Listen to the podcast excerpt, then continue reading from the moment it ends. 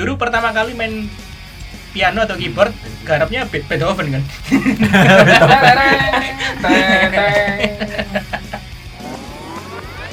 Aku dulu SMP di SMP Berkeley. murid-murid mari kita belajar. Seorang produser punya kekuatan terbesar dong dalam berhasil kayak Iya. kayak nak ganti Iya. kayak nak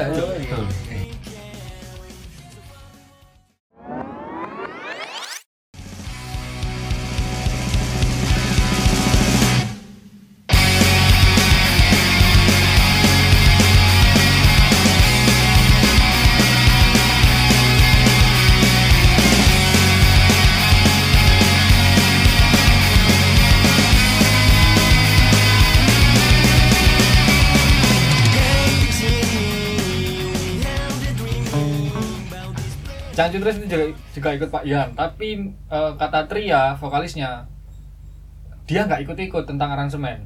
oh iya Iya, untuk ini untuk itu nggak ikut-ikut. Pokok semua kekuasaan itu berada penuh di Cangcuters. Tapi kalau di Salon Seven mungkin karena itu ben- bener-bener baru ya branding. Soalnya beda sih antara Cangcut masuknya ya masuknya ke Sony antara Cangcuters sama Salon Seven kan beda. Eh, Salon Seven, Salon Seven mereka yang menawarkan diri, Cangcuters itu mereka yang ditawari. oke Dan pada saat itu Cangcuters emang udah punya masa di Bandung. Oh, iya iya Jadinya itu. Maksudnya nggak hanya di musik lah, di film kan juga gitu tuh, Iya. produser. jadi benar-benar market oriented ya duit duit Iya, Wah, wah, iya, wah, iya. Jadi emang produser harus tahu ini oh oh ya untuk pemilihan single. Dan- dari beberapa demo Ah, itu dari album kan misalnya oke album 12 lagu. Hmm. Tapi kenapa single yang dipilih single A? Yaitu yaitu urusannya produser sebenarnya. rembukan beberapa orang. Ah, cuman keputusannya di produser. kalau masalah yang cerita-cerita di belakang layar luar yang aku tahu tuh Evanescence atau Evanescence tuh bacanya apa? Itu kan maunya kan ditam- ditambahin rap terus itu. Oh. Mm-mm. terus yang Linkin Park kan eh masih noda kalau nggak salah mau didepak dulu. Hmm. awal-awal katanya kayak gak perlu rap. Suara suaramu es ngangkat kok gitu. Nah, mau didepak gitu. Jadi bener-bener kekuasaan tertinggi jadi ya even labelnya suka tapi produser eh apakah label itu termasuk produser juga kalau yang udah di under label gitu Mungkin ya. nggak pasti tapi nggak selalu ya tergantung kondisinya mereka. Saya aku mau bahas tadi yang antara songwriter sama arranger. hmm. Hmm. Kalau songwriter kan modelnya gini, ini aku punya lagu gini pak.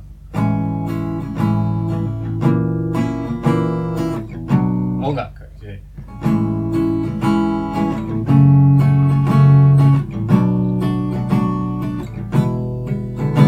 itu songwriter, yowis laguku kok gini. Hmm. Nah sama arranger, sama arranger masih raw jadi ya masih Oh, kasar Masih raw. Arranger kok, oh coba gantiin ini.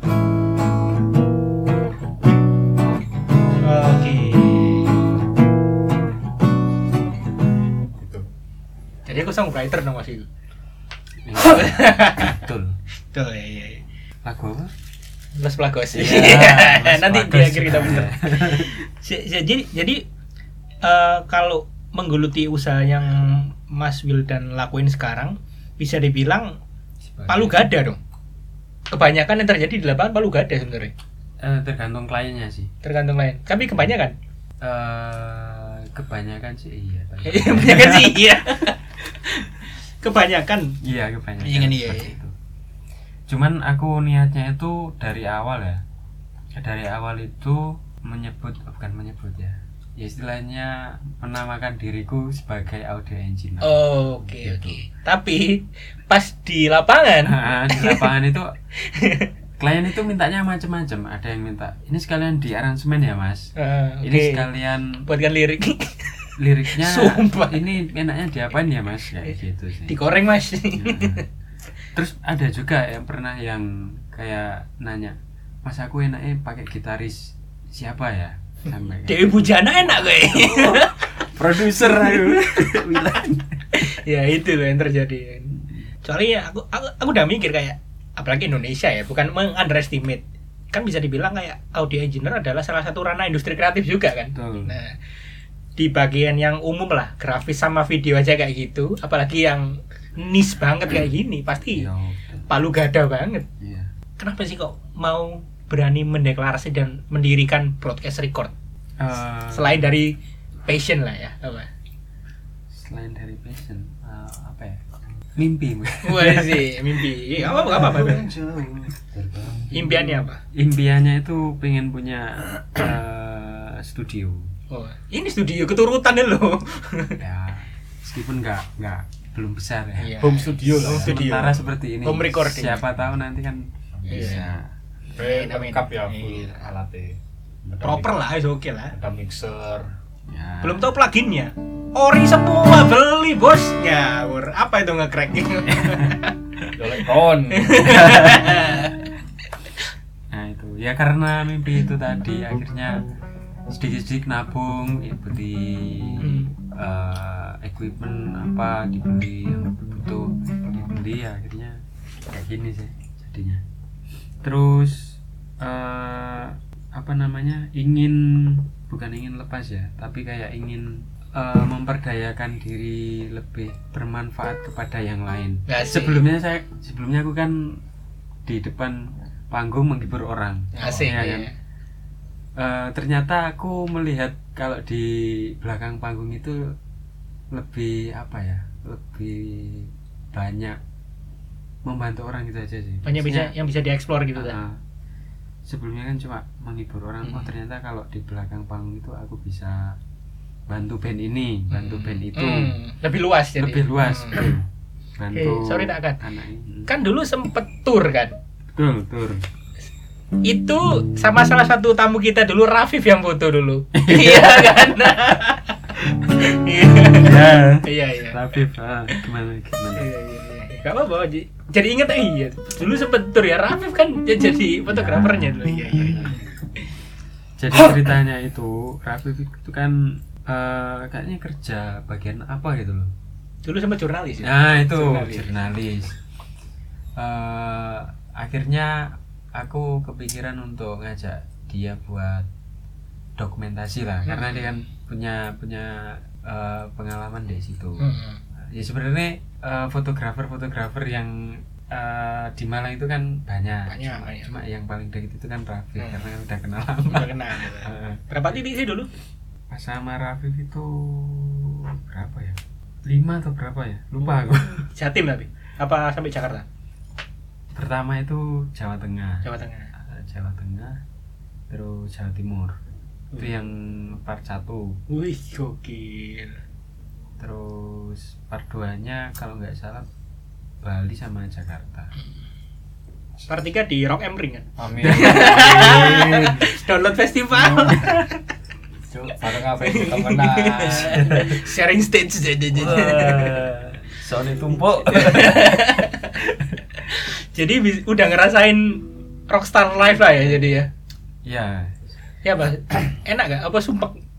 eh, sebenarnya yang tak lakuin pada waktu main band itu lebih ke pertemanannya ya Oh iya benar. sama Relasi ya. iya sama perjalanannya jadi kalau dibilang di pas waktu perform itu eh apa namanya tadi Tur. Coba bilang Relasi. bukan eh Apa ya, apa ya? vibe-nya gitu Oh, vibe-nya. Ah, vibe-nya oke ya oke sih tapi lebih oke itu di, lebih terasanya itu di pertemanan sama itu perjalanannya Iya iya iya. Eh, prosesnya lah Prosesnya. ya. Eh, mulai dari kayak rekaman Hmm. terus Iya iya. cari-cari panggung Hmm. kayak gitu sih Ah, tapi tour gitu bareng-bareng apa gak remek mas? Kan dalam artian kita ngeset sendiri, Mm-mm. kita panggung bongkar pasang pindah kota lagi gini gini capek pasti. kalau dibilang capek sih capek tapi Banget. capeknya itu hilang Oh iya. iya. Lihat audiens gitu seneng lah ya. iya dulu dibayar emang mas nah itu sebenarnya kita nggak ada bilang dibayar itu ya cuma kita itu sharing Nah, sharing ada fee ada apa namanya HTM Nah, Oh, itu dari situ. sharing HTM aja Tidurnya di mana itu? tidur masalah tidur itu eh, nggak nggak aku dan teman-teman nggak nggak Nggak bingung nggak nggak minta yang aneh-aneh kayak teman-teman yang Hmm, lainnya Ya, bintang 4 lah ya, bintang 5. Enggak, enggak. Dijemput high Iya. ace kalau nggak Alphard. sebentar bisa refleksi iya. Di panggung harus ada Le Minerale 47 gitu. Kok ganjil?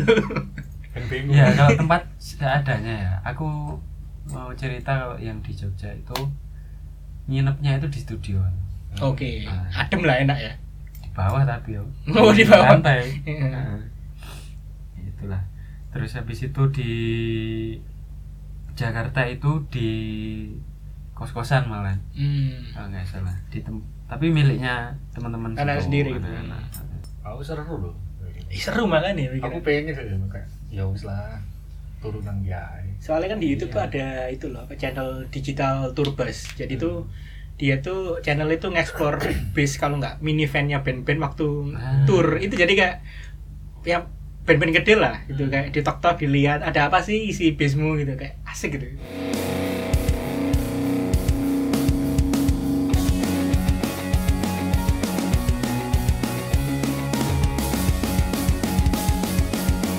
Terus masuk ke teknis nih, kita akan penasaran ke teman-teman yang awam masalah produce musik dan gini-gini, arrange bla bla bla seputar broadcast record. Pertama, Hmm. bedanya mixing, mastering sama composing. Apa, Mas? composing tuh ya bikin lagunya Oke. Mastering dan mixing? kebalik Mas. sini harusnya kompo composing mixing master Terus salah kan awam ceritanya. ya jadi sebenarnya kalau eh, composing itu lebih ke playernya ya Hmm. jadi nggak nggak nggak bukan ranahnya di studio Audio. jadi Hmm. sebelum mereka di studio itu mereka sudah kompos lagu dulu Udah ada bayangan lah ya? ada bayangan iya, lagu. iya, iya. Eh, udah punya bahan mentahnya Hmm. gitu. Kayak Baru gini mereka- nanti jadinya gitu ya. Baru mereka direkamkan di studio terus habis itu stepnya untuk audio editing ya Hmm. jadi sebelum masuk mixing itu masih ada step satu step lagi Apa itu? editing namanya Oh.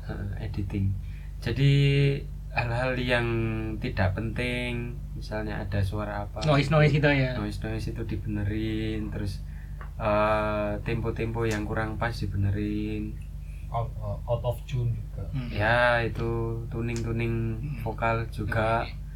terus habis itu apa namanya eh kayak balancing istilahnya Spuring. mobil bilang balancing itu istilahnya kayak eh, kan di band itu kan terdiri dari beberapa instrumen Ya. Eh, sebelum masuk mixing itu harus suaranya itu harus balance dulu nggak Hmm. boleh gitarnya Jomplang gitu. ya, Ya, ya, ya. jomplang jadi harus di balancing dulu vokalnya harus eh, istilahnya jangkep lah sama instrumen yang Hmm. lain kayak gitu Imbang lah ya. ya kan ada hasil rekaman yang vokalnya ke mana Dominan dominan ya, ya, ya, ya. ke mana Paham, gitu. paham, paham. nah itu harus balancing dulu jadi editing balancing baru setelah selesai ini itu baru masuk mixing Hmm, terus di mixing itu isinya apa aja sih jadi eh, mixing itu ibaratnya itu memasak Oke, Ma. Eh, memasak jadi kasih bumbu kasih Hmm. apa kayak kasih apa Ini mulai dimainkan lah ya. Mulai dimainkan. Iya, iya. Itu biasanya aku mulai dari drum dulu sih kalau mixing. Jadi drum dulu. Hmm, Mixing full band itu dari drum dulu. Drum itu ibaratnya kayak nyawanya lah. Iya. Nah, habis aku menemu baru eh drumnya baru aku temuin, itu baru aku lanjut ke yang lain. Yang lain. Nah, kalau drumnya belum aku nemu, tonya nggak nemu itu Iya. bisa lanjut. Ketukan soalnya. Iya. Kalau dari aku sih mungkin dari teman-teman audio engineer yang lain beda-beda Iya, sih. beda. Ada yang Pendekatannya beda-beda. eh, vokal, ada bisa, terus ada yang dari gitar juga bisa. Terus mixing itu fokus di frekuensi juga. Apa eh, suara lo ya, Hmm. bukan frekuensi yang telekomunikasi. Iya. Aku serius lagi. Aku serius. malah jo Oke oke oke. frekuensi Tak tuh beruang. Eh, itu mulai dicari eh, mana frekuensi yang sekiranya nggak diperlukan dan diperlukan. Jadi meskipun eh, orang awam itu ketika dengar gitar itu jreng suaranya sudah enak, Oh. tapi audio engineer itu melihat mendengar frekuensi yang nggak Nggak pas. gitu kan nggak pas. Nah, karena itu sudah ada Pakemnya. nggak ada pakemnya sih sudah aja. ada iya sudah ada feel lah di telinga Jadi tiap audio, audio engineer bakal punya output beda-beda jadi. Betul, Ya, betul. jelas lah betul jelas lah Style beda-beda gitu. Style ya. beda. Ya itu tadi di mixingnya itu tadi Hmm. jadi bermain frekuensi kalau di mixing soalnya apa setauku ya Hmm? eh, frekuensi antara untuk YouTube misalnya untuk YouTube Mhm. dan untuk Spotify itu beda-beda Oh iya, tiap platform beda. tiap Nah. platform beda nah itu maksudnya di mastering oh mas Ren Hmm. Nah, setelah mixing tadi ya, itu baru di export, di bounce, jadi mentahan. Hmm. Eh, itu dibuka lagi lembar baru di mastering. Hmm. Nah, mastering itu istilahnya kalau eh, orang awam itu bilangnya eh, menyamakan volume. Oke. Hampir sama kayak balance tadi nih. Balancing. Hmm, kalau balancing itu lebih ke instrumen ya. Oh, oke oke. Tapi kalau mastering itu volume secara keseluruhan. internasional. Oh, internet. Ya.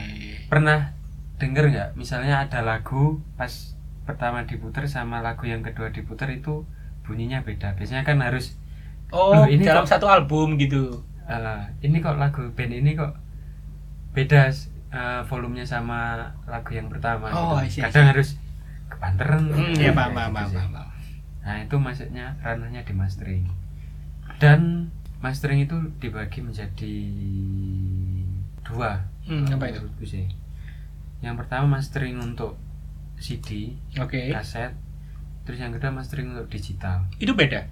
Beda. Oh. Mastering kebutuhan mastering itu beda-beda. Kalau ma- mastering untuk kaset dan untuk CD itu ada range-nya sendiri. Nah, itu min 9 desibel sampai min 6 desibel Oh, maksimal. I see, I see, I see. Kemudian yang kedua tadi YouTube sama Spotify dan yang lain-lain juga kayak itu Tidal dan sebagainya. Itu mereka mintanya itu min 14 desibel. Hmm. Terus Spotify eh, mintanya min 13 desibel. Oh, Sebenarnya sebenarnya kenapa kok CD, kaset sama Digital. digital itu beda? Kenapa?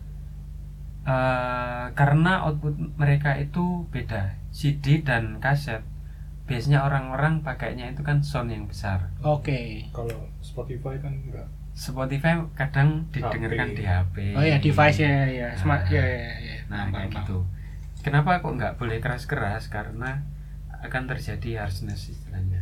Gembret. ngembret Oh, betul. iya, iya, iya. Ngembret. pecah lah Next Itu nih. tentang mastering mixing mastering Kalau Bram nih pingin bikin lagu, hmm. alurnya gimana? Ah, langsung datang kitik-kitik-kitik ke Mas Wildan Mm-mm. atau Bram harus punya mentan dulu atau gimana? Ya tergantung. Nah, sebenarnya eh, masuk tergantung- datang, halo, aku nggak tahu apa-apa. sebenarnya kalau pengen punya lagu misalnya buat di YouTube atau di apa gitu ya Ah, ah. bikin bikin bikin lagu gitu. Itu tergantung dari kliennya. Misalnya kliennya punya mentahan itu bisa. Terus Ada yang membantu juga kan? lebih membantu Eh, terus ada klien yang nggak tahu apa-apa terus minta dibikinkan lagu itu juga bisa Daniel Loh, aku datang nggak nggak mentah kan? nggak Mbak, sorry. Si kowa aku be. itu enggak mentah Paul. lima persen. itu sih tergantung kondisi kliennya Hmm. soalnya sebuah band masuk ke studio rekaman itu udah beda ada yang mereka kayak mereka mungkin punya studio sendiri tapi nggak punya nggak punya studio recording Ya. Oh. jadi mereka kayak bikin demonya ya di studionya sendiri Hmm. Terus nanti masuk studio rekaman direkamkan rekam lagi kalau dit kalau contohnya DT nih misalnya dia masuk ke studio rekaman dia masih belum punya lagu Kosongan. kosongan Oh. jadi dia langsung ngejam di situ Mhm. Set, nemu- Senemunya ide. iya, Hmm. bikin Bikin. nemu bikin Oh iya enak, ini ini. Eh, tapi kalau menurutnya mereka sih ganti-ganti ada beberapa album yang mereka masuk udah punya Hmm. ada yang nggak punya. Itu sih. Oh iya, aku penasaran kan dua-dua ini yo. Bergelut permusikan lah. Yang bener bikin lagu, lirik dulu atau instrumen dulu? lirik dulu atau instrumen dulu? Itu kayak itu beda. kayak pertanyaan ayam dulu atau telur dulu? Jadi nggak ada pakemnya ya bener ya? Nggak ada pakem ya. Banyak ter- tergantung sumpah tergantung. Tergantung kamu nemunya mana dulu. Oh, I see, I see. kalau kamu nulisnya li- lirik dulu itu berarti nanti PR-mu adalah ada di Nada nanti. Mengganti ada di nada nadanya kan kamu harus menyesuaikan juga cerita- Ah, iya. ceritanya tentang apa toh Iya. gitu tapi se- intinya ya wis nggak ada pakemnya Hmm. cuman kalau bandku dulu pas aku masih lomba Hmm. kebanyakan bikin musiknya dulu Musiknya dulu. musiknya dulu terus te- ini temanya apa Hmm. tema lagunya tentang ini Yang akan mempengaruhi nada. enggak nadanya emang udah ada Oh, udah ada. Terus oke aku bilang kok aku Eh gitarisku bilang ke vokalisku ini temanya kayak gini wis bikin lirik kayak gini wis gitu toh Oh, I see. Jadi nggak ada pakemnya jadi ya. Nggak ada tergantung kamu nemu yang mana dulu nah so far klienmu mas Mm-mm. itu genre apa aja atau enggak yang paling sering deh yang paling sering masuk Gak tebak ya, pop. Dan dangdut. Betul. Iya, pop dan dangdut kan. Iya. Eh, kalau yang masalah genre sih ini ya eh, relatif ya tapi yang anunya itu Mayoritasnya. eh, lebih kayak gini apa namanya dari band apa solo atau Hmm. tujuannya apa Ya gitu gitu. Kalau gitu boleh deh, gitu boleh. Nah. yang paling datang ke sini yang paling sering itu cover cover YouTube Oh, oke. nah, kalau yang untuk band-bandan itu ada lah tapi nggak banyak Hmm. kayak gitu sih yang paling sering cover cover YouTube Cover ya. Alirannya? Ya, macam-macam sih ada yang rock ada Hmm. yang pop Lah mereka cover YouTube ya mesti take-nya di sini. Mm-mm, tagnya di sini Oh. kadang mereka minta dibuatkan instrumennya Oh. ada juga yang pakai karaokean jadi mereka bawa musiknya dibawa ke sini tinggal mereka nyanyi tok gitu, Hmm, gitu sih tapi pas juga ya studio ini pojokan loh ini. Hmm. Pas loh ini. sengaja cari yang sebut Oh, iya iya iya. Aku iso ya Mas Rene ngover-ngover. Kau nyesel aku gak ngopas sih mas. Karena gak ngopas aku. Terus yang paling berkesan? Aku lah ya. salah satunya lah Eh, Kenapa aku berkesan? Nyeleneh aliran nih. Iya itu Kalau- salah satu genre yang tak suka ya Oh. Oh, Soalnya kan pakai elektronik kan juga. Mm-mm. Eh, trap trap beat juga ya. iya Eh, gitu sih Nggak pernah nge-mixing progresif mas. progresif pernah sih Nah, pernah yang paling ruwet apa mas? Pernah nggak? Genre apa?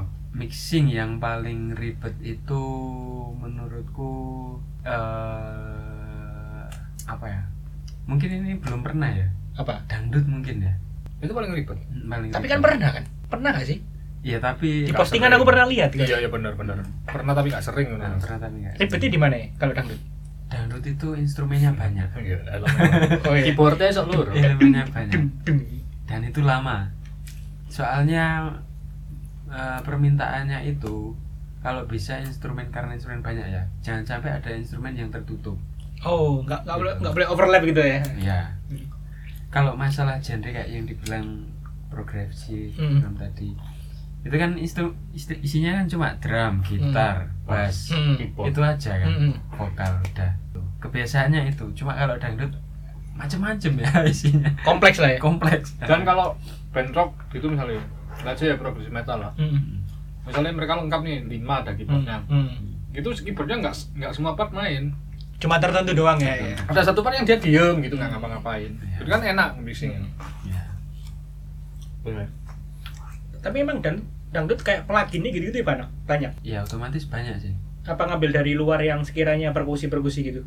iya bisa Oh, jadi ada dangdut-dangdut yang minta suling. perkusi kayak ya suling minta kayak model-model salsa ada Asik. Mexicana. Mexicano. Iya iya terus iya. tipung-tipungnya kayak gitu Terus kalau lagunya udah jadi, bingung nih, masa taruh YouTube? Hmm. Taruh YouTube mana SD bisa. ya, Taruh platform sing capable dong, Spotify, Apple, ya. dan lain-lain. Bisa bantu nggak broadcast, broadcast record? Nih mas. bisa Wih. bisa selama Uangnya ada. Ada Ya. fee tambahan. selama ada fee-nya juga bisa cuma eh gini loh kalau digital sama tulisan fisik ya itu ada kelebihan dan kekurangan Pasti. Oke. Kalau kelebihannya digital pasti lebih efisien dan irit. betul Kalau kelebihannya fisik apa zaman sekarang? kelebihan fisik ya eh tentu saja lebih menguntungkan band penjualannya lebih Oke, banyak ya. ya kan? harganya lebih misalnya satu CD dijual 100.000 ribu misalnya Oke. ya kali berapa keping Iya, bandel sama kaos biasanya. handle sama kaos Iya. itu keuntungan yang bisa diraih Oh untuk iya. band kalau yang untuk digital ya ada untungnya cuma lupa mah Royalti. royaltinya lah Iya iya iya iya. iya. itu sekarang kan bikin CD itu malah lebih murah ya dulu kalau nggak salah pada waktu aku SMP itu katanya itu bikin nyari si keping CD-nya itu Hmm. mahal katanya nah, Yang sekarang- kosongan itu, Pak? yang kosongan sekarang katanya lebih murah CD room gitu jadi misalnya modal CD roomnya 15.000 ribu Hmm. dijualnya 100.000 ribu kan Ya, ya kerasa sih, kerasa sih. Iya. apalagi band yang sudah besar Wak, berani Oh. jual-jual 500.000 ribu Hmm. kayak gitu kan untungnya banyak kalau kalau di Indonesia mungkin nggak sudah jarang ya yang beli kaset sama CD kalau di Jepang itu masih ada aku Nah. pernah deng- apa lihat interviewnya Dewa Bujana sama siapa itu luar sing toko Jepang kuliah nang UGM iso iso bahasa Indonesia Hiroaki Kato kalau nggak salah Hmm. dulu pernah main di acaranya Nikoga acaranya penjep Hmm. terus sekarang jadi istrinya vokalisnya Moka di sana mereka emang mereka emang tetap dengerin dengerin yang apa digital platform tapi mereka tetap beli CD-nya meskipun mereka nggak punya CD Fisiknya ya. Ah, mereka tetap beli fisik meskipun mereka nggak punya playernya karena Oh. Karena menurut fansnya itu itu sebagai merchandise gitu loh. jadi masih masih sesuatu yang berharga lah meskipun nggak didengerin kalau di Jepang ya Kalau di Indonesia pergerakannya tuh yang bikin tuh si Erik Sukamti itu loh. Dia kan bikin beli album fisik. oh ya itu iya, iya, yang bikin pergerakannya tuh itu. Ah, Ah, Mungkin kalau lebih menurutku pribadi ya, yang lebih collectible tuh vinyl sih. Lebih keren ya aja. emang Tapi lebih mahal gak sih? ya iyalah Berapa kisaran? oh nggak tahu kalau itu Berapa Mas Yul? Biar tahu. apalagi kok- kalau beli album fisik itu mereka ini ya bandel sama pernak-pernik yang lain Oh, box set gitu biasa ya. Box set, Box set, box ya, set. biasanya box set ya. ya Eric kan box set Oh, iya. set Iya sih bener bener. sebenarnya yang lebih mahal itu bukan vinyl ya gramofonnya gramofonnya apa Oh, sih? playernya itu ya. Eh, gramofon apa gramofon ya itulah pokoknya itu kan ya pasti mahal meskipun ada yang modelnya portable gitu loh Iya, sekarang banyak sing ya, portable. yang digital lah kalau kata Ari Lasso Hmm.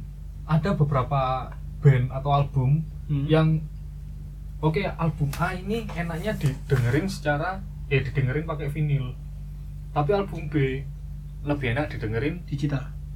iya either digital either Hmm. kaset either, either CD jadi Oh. kayak beda-beda gitu loh Feel-nya beda ya. Feel-nya beda-beda. Beda, beda. itu kalau teorinya Ari Bisa Lasso gitu ya. Iya iya iya. iya. kalau masalah plugin itu ngefek gak sih software yang digunakan Antara gratisan atau Ah, bayar. bayar. Outputnya kerasa gak sih mas? nah sebelum ke plugin ini tak ceritanin sejarahnya itu Oh, iya sih. Eh, sejarahnya jadi orang-orang dulu itu eh pakainya itu nggak plugin ya Apa dong? hardware pakainya Itu gimana? misalnya ada equalizer Hmm. equalizer ya Equalizer ada hardwarenya gitu loh Hmm. bisa dipegang Oh, iya iya iya. Nah, kalau sekarang kan dimudahkan pakai plugin Iya iya. iya. nah dulu itu eh, hardware itu dipakai eh, supaya hasilnya itu maksimal gitu loh Hmm.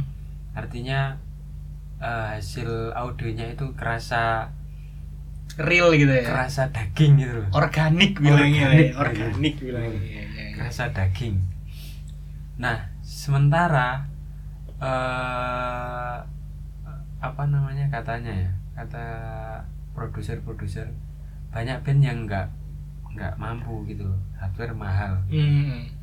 bayar studio mahal Ya, Oke. Nah, akhirnya eh, seiring berjalannya waktu dengan perkembangan Zaman IT teknologi ya. eh, IT itu katanya banyak yang di softwarekan akhirnya Hmm. di software Itu di record satu-satu dong jadi soundnya itu. Nah itu pembuatannya aku kurang Teng teng du du di record satu-satu lah sampai bisa ada Bagaimana seribu sound gitu. Wow. Hmm, yang jelas ya itu sih kalau misalnya pl- eh, plugin yang kayak instrumen itu ya direkam satu-satu Hmm. nanti ada softwarenya buat dijalanin DAW ya nama. Istilahnya nah DAW. ini Ya, beda lagi ini beda lagi. DAW plugin ya ya. Eh, jadi DAW itu kalau boleh aku bilang itu sebagai rumah Hmm. plugin itu Furnitur. furnitur Hmm. jadi kalau kamu bilang kamu ngedit pakai apa mas misalnya pakai Audacity ya pakai Audacity itu adalah rumahnya Hmm. sementara plugin itu Hmm. efek-efeknya efek-efeknya Hmm. jadi efeknya itu bisa kamu masukin ke Audacity I see, I dan sebagainya kayak gitu sih. aku pas apa namanya cover YouTube kemarin ya mungkin Promo channel dong, promo channel. apa? Promo channel. Gak usah. Kamu boleh Eh, soalnya dari beberapa video kok ada satu lagu yang terakhir aku cek itu udah 8000 views. Sing rame gitu kan katanya. I love you so. Hmm. emang lagunya emang rame kan dan bass line-nya em- en- enak Iya. juga. Aku recordnya tuh pakai Logic mas. Logic ya. Logic. Soalnya aku numpang temenku kan. Hmm. Da- aku ya aku angger main ya dek angger edit edit sebisaku. Simple, itu simple. apanya Ngedit ya kalau yang tahu simple. Oh. ya aku cuma edit edit setahu terus aku bingung kan cuk. Kok gak enak ya kok? Rasanya kurang ya apa ngono lho. Antara antara treble karo bass ya. aku manggil temanku lah. Hmm. gitu tolong dong. Apa enak no lah pokoknya intinya Hmm. yo udah udah udah udah tak upload. Terus tak biarin kan mas. Aku gak apa apa. Terus ada yang komen bro ini pakai efek apa? Efek apa? Tahu sekali aku. Waduh nggak tahu mas. Tapi tapi dikasih efek gak tahu. karo aku. Oh. Aku bener-bener karo Hmm. Soalnya saroku ya mek ancen ya wis aku record gak gak tak apa-apa no ya pokok main kurang enak ya wis tak upload tapi ya alhamdulillah 8000 views gitu. Cair ya AdSense ya. Cair. Bisa. disulap lah makanya kan Iya. Audacity oh, terus kembali lagi ke Ngaruh plugin. apa enggak ya? ngaruh apa enggak tadi ya Hmm. Eh, antara nah, antaranya hardware sama plugin itu oh, bedanya Jauh. Drastis, drastis lah ya. drastis jauh ya cuman itu tergantung skill iya Oke, iya iya. kalau audio engineer-nya pinter ngolah pluginnya itu bisa menyamain hardware-nya loh. kalau eh, sudah pro Iya iya. kalau udah biasa juga sih terus habis itu fungsinya ya Hmm. fungsinya itu eh, antara berpengaruh apa enggak hmm, 11-12 lah Oh, jadi bisa dibilang nggak nggak seberapa pengaruh dong. Iya. Kalau mirip-mirip ya, mirip-mirip. pengaruhnya mungkin ke ke efek yang bisa kamu pakai Oh. Modelnya kayak ya setelah aku pakai Canva kalau Canva biasa kan banyak desain Fitur, fitur gitu. ya, Ya, banyak fitur. fitur yang nggak bisa tak pakai ya sama juga dengan plugin Plugin. plugin Soalnya kalau sekarang kan ini kan disebutnya digital tuh Hmm. Hmm, digital betul ya plugin ini kan maksudnya digital DAW Audacity itu kan maksudnya digital kan maksudnya Hmm. kalau sekarang kan enak tuh aku bisa record kapan pun di mana pun Pondok laptop. Nah. Laptop pakai HP iPhone lo bisa sebenarnya. Iya iya. iya. dan kalau salah ya wis di, diulangi lagi dihapus edit makanya kenapa musisi-musisi zaman dulu itu keren-keren pasti permainan memang sangar-sangar karena emang Skillful lah ya. mereka pure skill karena dalam zaman dulu kan belum ada tuh editing Iya. zaman dulu kan pakai Itu one take dulu ya. Jadi. one take One take, analog jadi mereka tengah-tengah salah ya wis ulang dari Oh, awal Iya, aduh. betul. dan itu pitanya pitanya kan pakai pita tuh Hmm. pitanya harus bayar lagi jadi ya selain mereka menghemat waktu ya juga menghemat uang makanya yes. mahal dan harus skillful ya. ah, ah, makanya musisi-musisi zaman dulu kan wis bener-bener gila lah one take selesai terus ada eh, hardware yang eh, nggak bisa di plugin kan Contoh. Is- tak sebut namanya apa ya kompresor lah. Yang ada istilah alat namanya kompresor Oke, ya. gitu. Eh, sebagian engineer itu nggak suka pakai plugin kompresornya. Karena? Nggak maksimal. Karena nggak maksimal. Nggak real itu ya. nggak real. Ngekat ngekatnya itu eh apa ya kurang natural. Hmm, I see, I see, I see. terus ada lagi istilahnya namanya apa ya preamp Hmm. Nah preamp sekarang itu banyak preamp yang didigitalkan tapi ya jadi ini plugin juga. Ya jadinya Tapi tetap kurang. iya tapi kurangnya gitu makanya ada musisi itu yang ada nama istilahnya itu todong. Ya. Apa tau dong itu?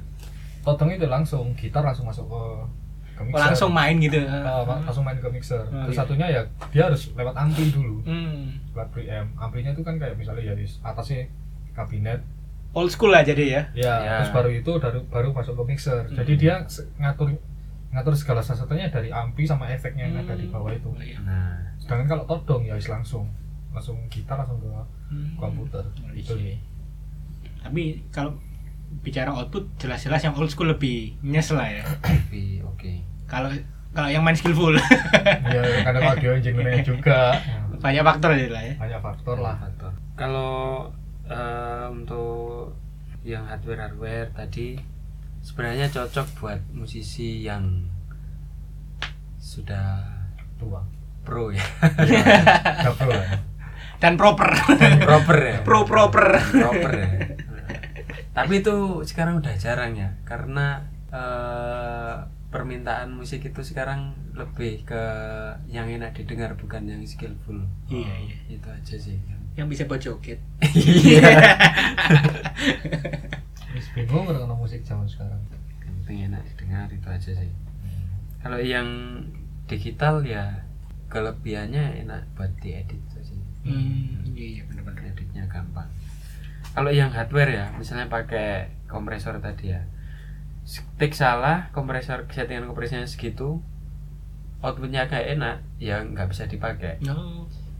Karena sudah tersetting suaranya sudah Hmm. keluar Retake ya jadi ya? retake kalau digital, Karena kompresornya pakai plugin Tinggal nyaikin. tinggal naikin tinggal turunin Iya, itu Selama ini berdiri kapan sih broadcast record broadcast re- recordnya mas? broadcast res- broadcast record 2019 19 kan udah dua. Ada hal-hal unik gak selama jadi ya bisa dibilang musik produser, musik arranger, palu gada inilah dibilang ini. Mungkin kliennya aneh-aneh, minta kayak gini, sing ribet atau mungkin sing sampai sekarang belum dibayar. sebenarnya kalau itu sih wajar ya Hmm. Eh, klien ribet Hmm. ruwet wajar ya karena eh, semua musisi itu eh, kecuali ini yang enggak aku nggak bilang yang besar ya Hmm. karena yang datang ke sini kan eh, ya bisa dibilang menengah ke bawah Hmm. Nah, anak-anak yang Pingin Ya mencoba. main-main di studio gitu upload YouTube kayak Ah. gitu kan maksudnya bukan yang artis itu yang Hmm. datang ke sini anak-anak itu kan bukan pure bekerjanya di situ Hmm. nah akhirnya kadang itu kalau pesan jadwal itu kan udah pesen tapi nggak datang Oh, ya. Udah booking gitu lah ya. ter- udah terbooking nggak datang padahal kan misalnya aku terima yang lain kan Lumayan. Lumayan. Iya, iya, iya. ya gitu terus habis itu juga banyak yang skillnya itu ya kacau ya kacau lah Lah aku nol putul. seenggaknya kan basicmu rap pak Iya. ya itu sih Hmm. terus kalau pengen jadi musik produser atau eh, apa namanya? Bergerak di ya, di bidang belakang layar lah. Ya audio engineer lah gitu. hal apa aja sih yang harus dikuasai? Skill apa aja? Kalau skill eh, aku bilangnya bukan ke skill sih. Lebih ke telingamu. Iya iya. ya, ya, ya. kalau itu emang, emang harus dilatih sih. Nek kopok iso tadi. lebih ke telingamu. Jadi eh, seperti yang dibilang tadi setiap audio engineer itu punya hasil yang beda-beda Hmm. karena mereka punya telinga yang beda-beda seleranya beda-beda Hmm. gitu ya jadi sebagai audio engineer kamu harus punya telinga yang baik Peka. Peka ya. emang harus peka yang baik dan harus meng- mau mengalah dengan permintaan klienmu Iya, jangan iya. idealis Iya. Itu aja sih Karena dia membayar Anda. iya betul ujung-ujungnya sih gitu iyalah itu lagu-lagu dewe. Karena Ya. pendewe nih. soalnya emang kalau urusan telinga itu emang nggak bisa nggak bisa dilatih tapi harus dibiasain nah betul Hmm. harus kebiasaan emang sama Cik. musisi juga sama Iya. kayak awalnya nggak tahu ini fals apa enggak tapi lama-lama ya tahu Bakal bapak sendiri nanti ya. iya kok Cuk, kok gak enak sih pasti kayak sekali nginjreng kita jereng kalau sih gak enak ngono meskipun nggak pas gitu ya. ya meskipun sebenarnya kayak nggak tahu Ah. ini mana sih yang salah mana sih nggak akhirnya coba satu-satu tapi kan seenggaknya oh tahu gitu loh kalau ada ada sesuatu yang nggak enak iya jadi kalau player itu kompleks ya bermain dengan tangan bermain dengan telinga bermain ya Otak. apa namanya eh, bagaimana kamu perform di depan orang Hmm. kompleks cuman kalau audio engineer fokuslah di telinga itu aja Oh, enggak sih lek main kok John Myung ya ngurus. Bebas lah ya. John Myung semua menang enak ngarep panggung. Tapi agak sing seneng Mm. Enggak, tapi dulu John Myung awal-awal konser tahun 92 93 tuh masih lari-lari deh. Hmm. Masih jalan ke sana kemari tambah suwe tambah suwe duitnya wis akeh sedang Pokoknya fokus main lah ya. Bagus main wis lah duit wis akeh. Wis aku wis wis seneng. Toh ya tadi basis. Sama skill IT. Iya nggak sih? Oh iya. Mau nggak mau itu sih, mau nggak mau itu. Itu jelas sih. ya Soalnya aku kan di bidang kreatif eh, grafis sama video. hmm. Lihat DAW, Audacity terus apa ya? Pakai apa? mixer Software kubis pakai Cubase. Nuendo. Nuendo. Pecah kepala kalau iki opo, please. iki tampilan apa ini? Lihat FL apa ini tolong. Bingung. Bingung, tombolnya lebih ribet daripada Photoshop. Iya, ya jene. Tombolnya kecil-kecil ki opo. Skill IT sih kalau DAW kan macam-macam ya Hmm, banyak. Nah, itu eh, workflow-nya juga beda-beda. Cuman kalau ada engineer itu biasanya cari yang eh makainya itu gampang Hmm. Dan cara settingnya itu juga apa ya istilahnya nggak ribet lah pokoknya pokoknya yang cari yang gampang lah Yang simpel gitu. Ha. banyak DAW yang ribet tapi maksimal Mhm. ada juga DAW yang eh, ya itu tadi gampang dan maksimal biasanya pilih yang gampang dan maksimal Gini, sebelum closing pertanyaan terakhir mungkin Bram ada tambahan? Kipu-kipu apa gitu ya? Enggak ada sih so far. Oke nih Mas Wildan. Terima kasih udah mau kita repotin. nggak repotin kok malah seneng di Iya, datengin ke lama nggak ketemu ya kalau nggak gini kan nggak iya bener. Kalau nih ada teman-teman dari 9 to 5ers yang pingin satu mungkin pingin record bandnya di sini, dua pingin cover cover mastering mixing Sebetulnya jasa lah. or even dia tuh perusahaannya butuh jingle, Nah, agensi nah. atau yang lain-lain di sosmed audio Nah. bla bla bla itu gimana kontaknya mas? langsung aja hubungin kita ada di Instagram Di mana? broadcast.records Iya. Ya atau enggak DM via 9 to 5 juga enggak Iya. apa-apa, tapi nanti eh, biayanya dipotong. Harga bersaing nggak? Harga bersaing nggak? Bersaing lah. Bersaing. Bersaing. harga jadi gini boleh agak anu lagi Boleh Enggak, dong. Ini nggak ada batas durasi. Heeh. jadi gini eh, masalah harga eh, itu tiap studio beda-beda kan ya Nah, pasti. Pasti pasti. Hmm, ada yang mahal ada yang murah Hmm.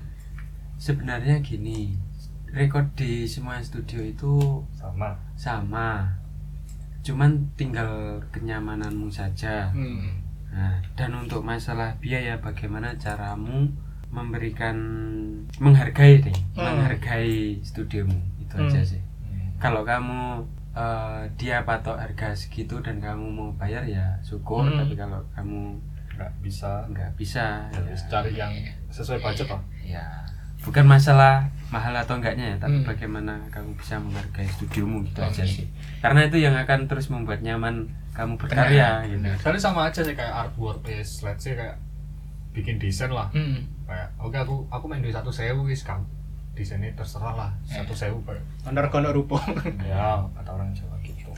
Ya, Mungkin- jadi cari Hah?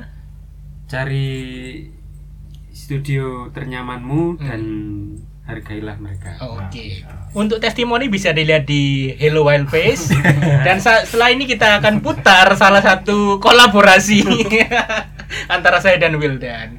Oke, cukup sampai di sini aja. BTW kalau mau record dan lain-lain langsung aja ke Broadcast Record. Oke? Saya Daniel. Saya Bram. Enjoy.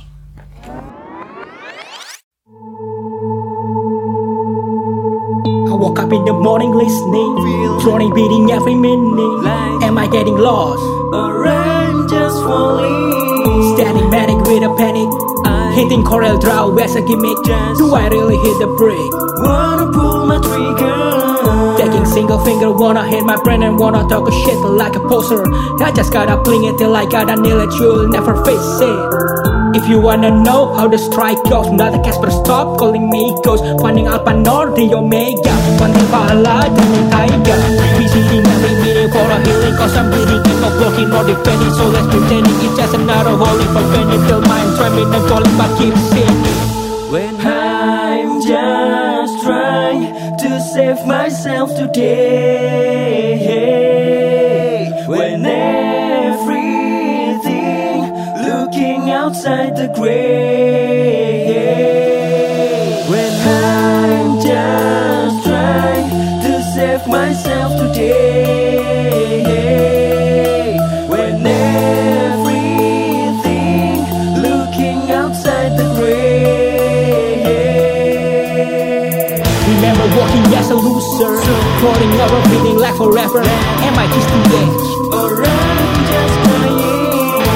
Bible while telling stories, wearing mask cause you got no fear. Do I wanna live a life? Closing every portal while I'm running so I can test the fucking revival. Do I gotta follow Chester so my fucking ass gets the bloody maker? I can understand why I did it. Running to the ground, never made it.